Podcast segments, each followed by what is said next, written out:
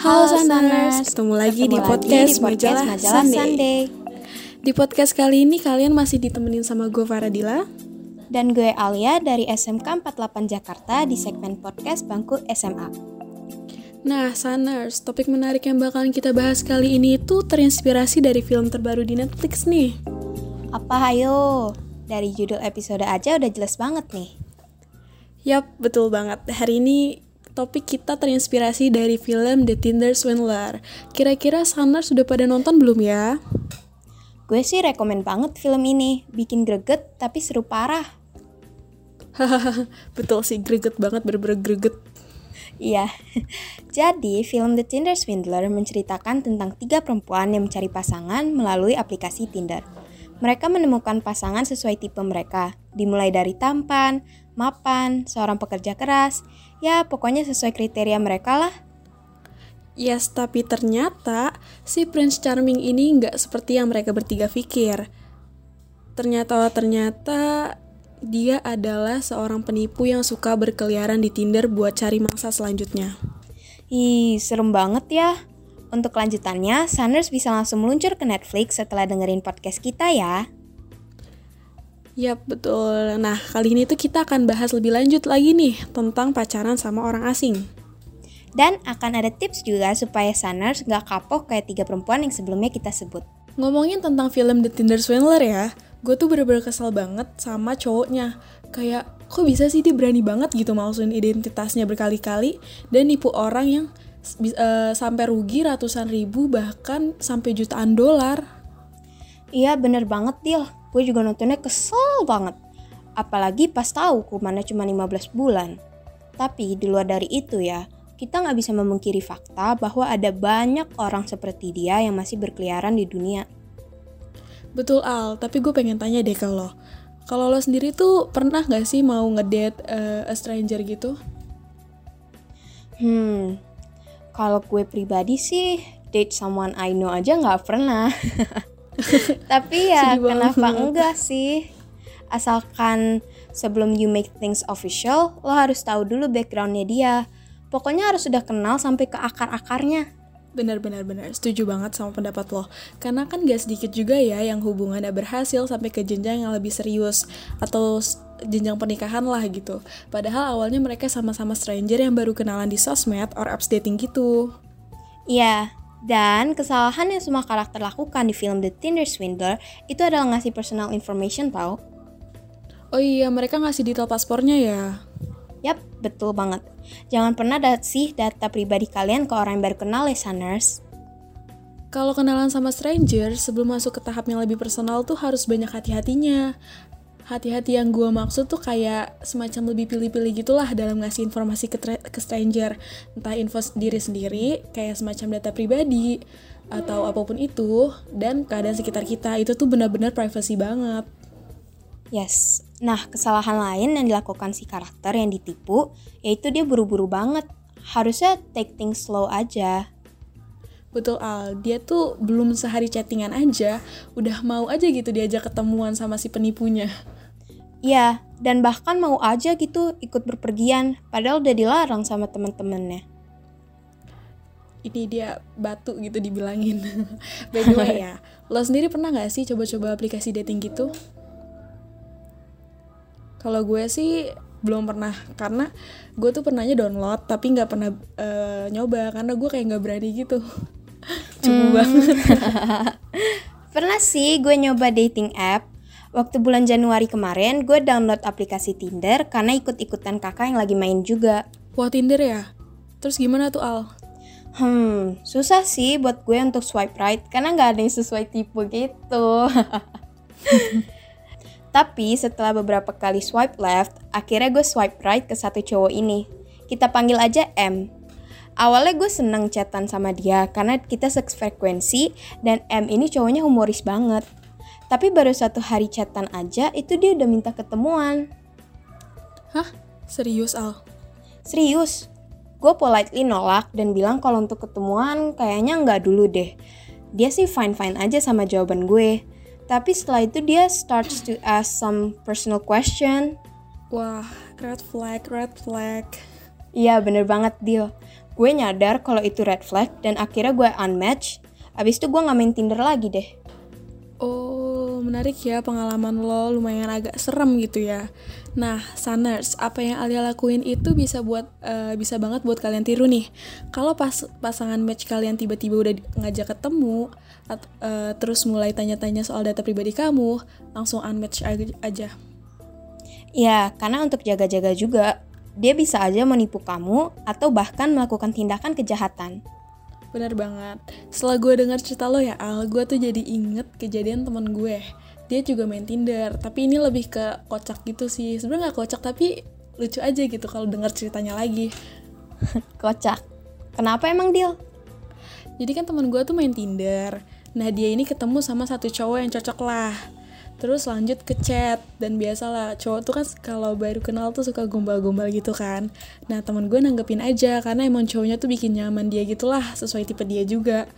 Udah tuh jalan lah chattingan terus kurang lebih dua atau tiga, tiga minggu gitu hampir satu bulan mereka chattingan sampai udah mulai pindah ke telepon terus sampai udah video call juga. Jadi lebih kenal dan udah hafal nih mukanya. Makin lama di cowok tuh sering banget ngajak uh, ngechatin teman gue tuh ke hubungan yang jenjang lebih serius gitu.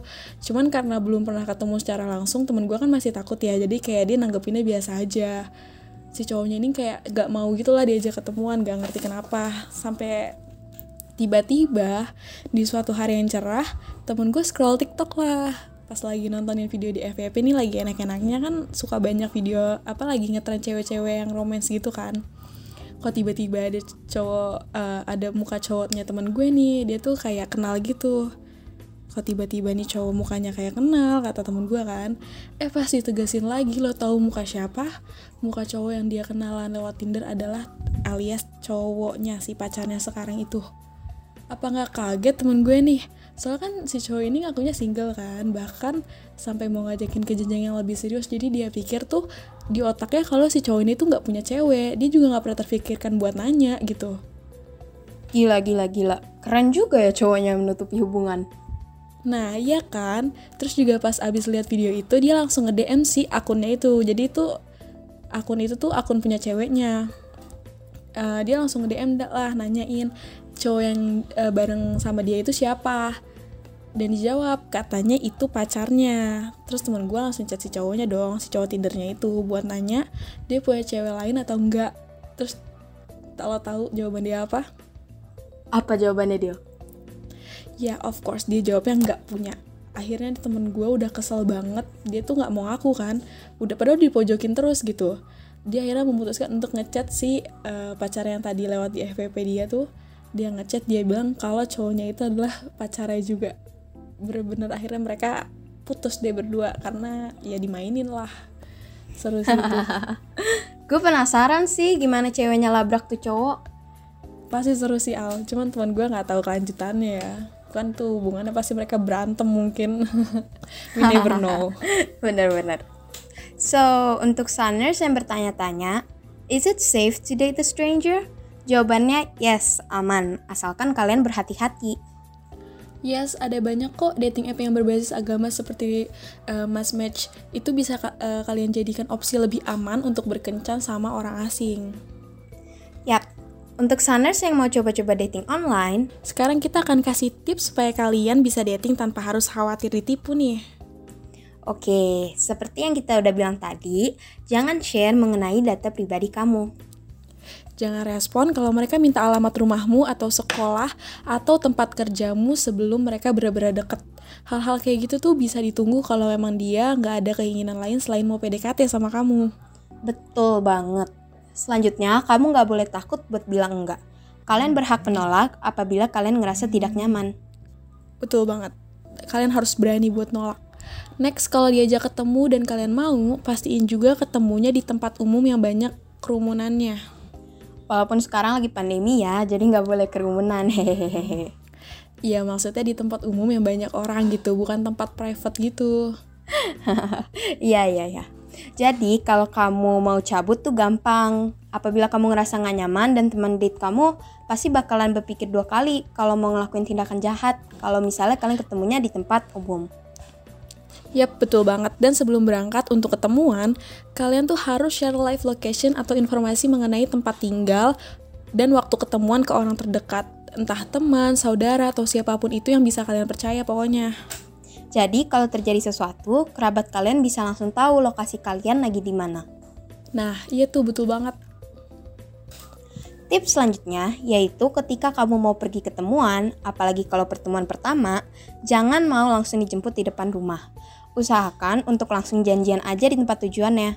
Kenapa? Karena untuk menghindari hal-hal yang bisa membahayakan diri. Contohnya gimana, Al?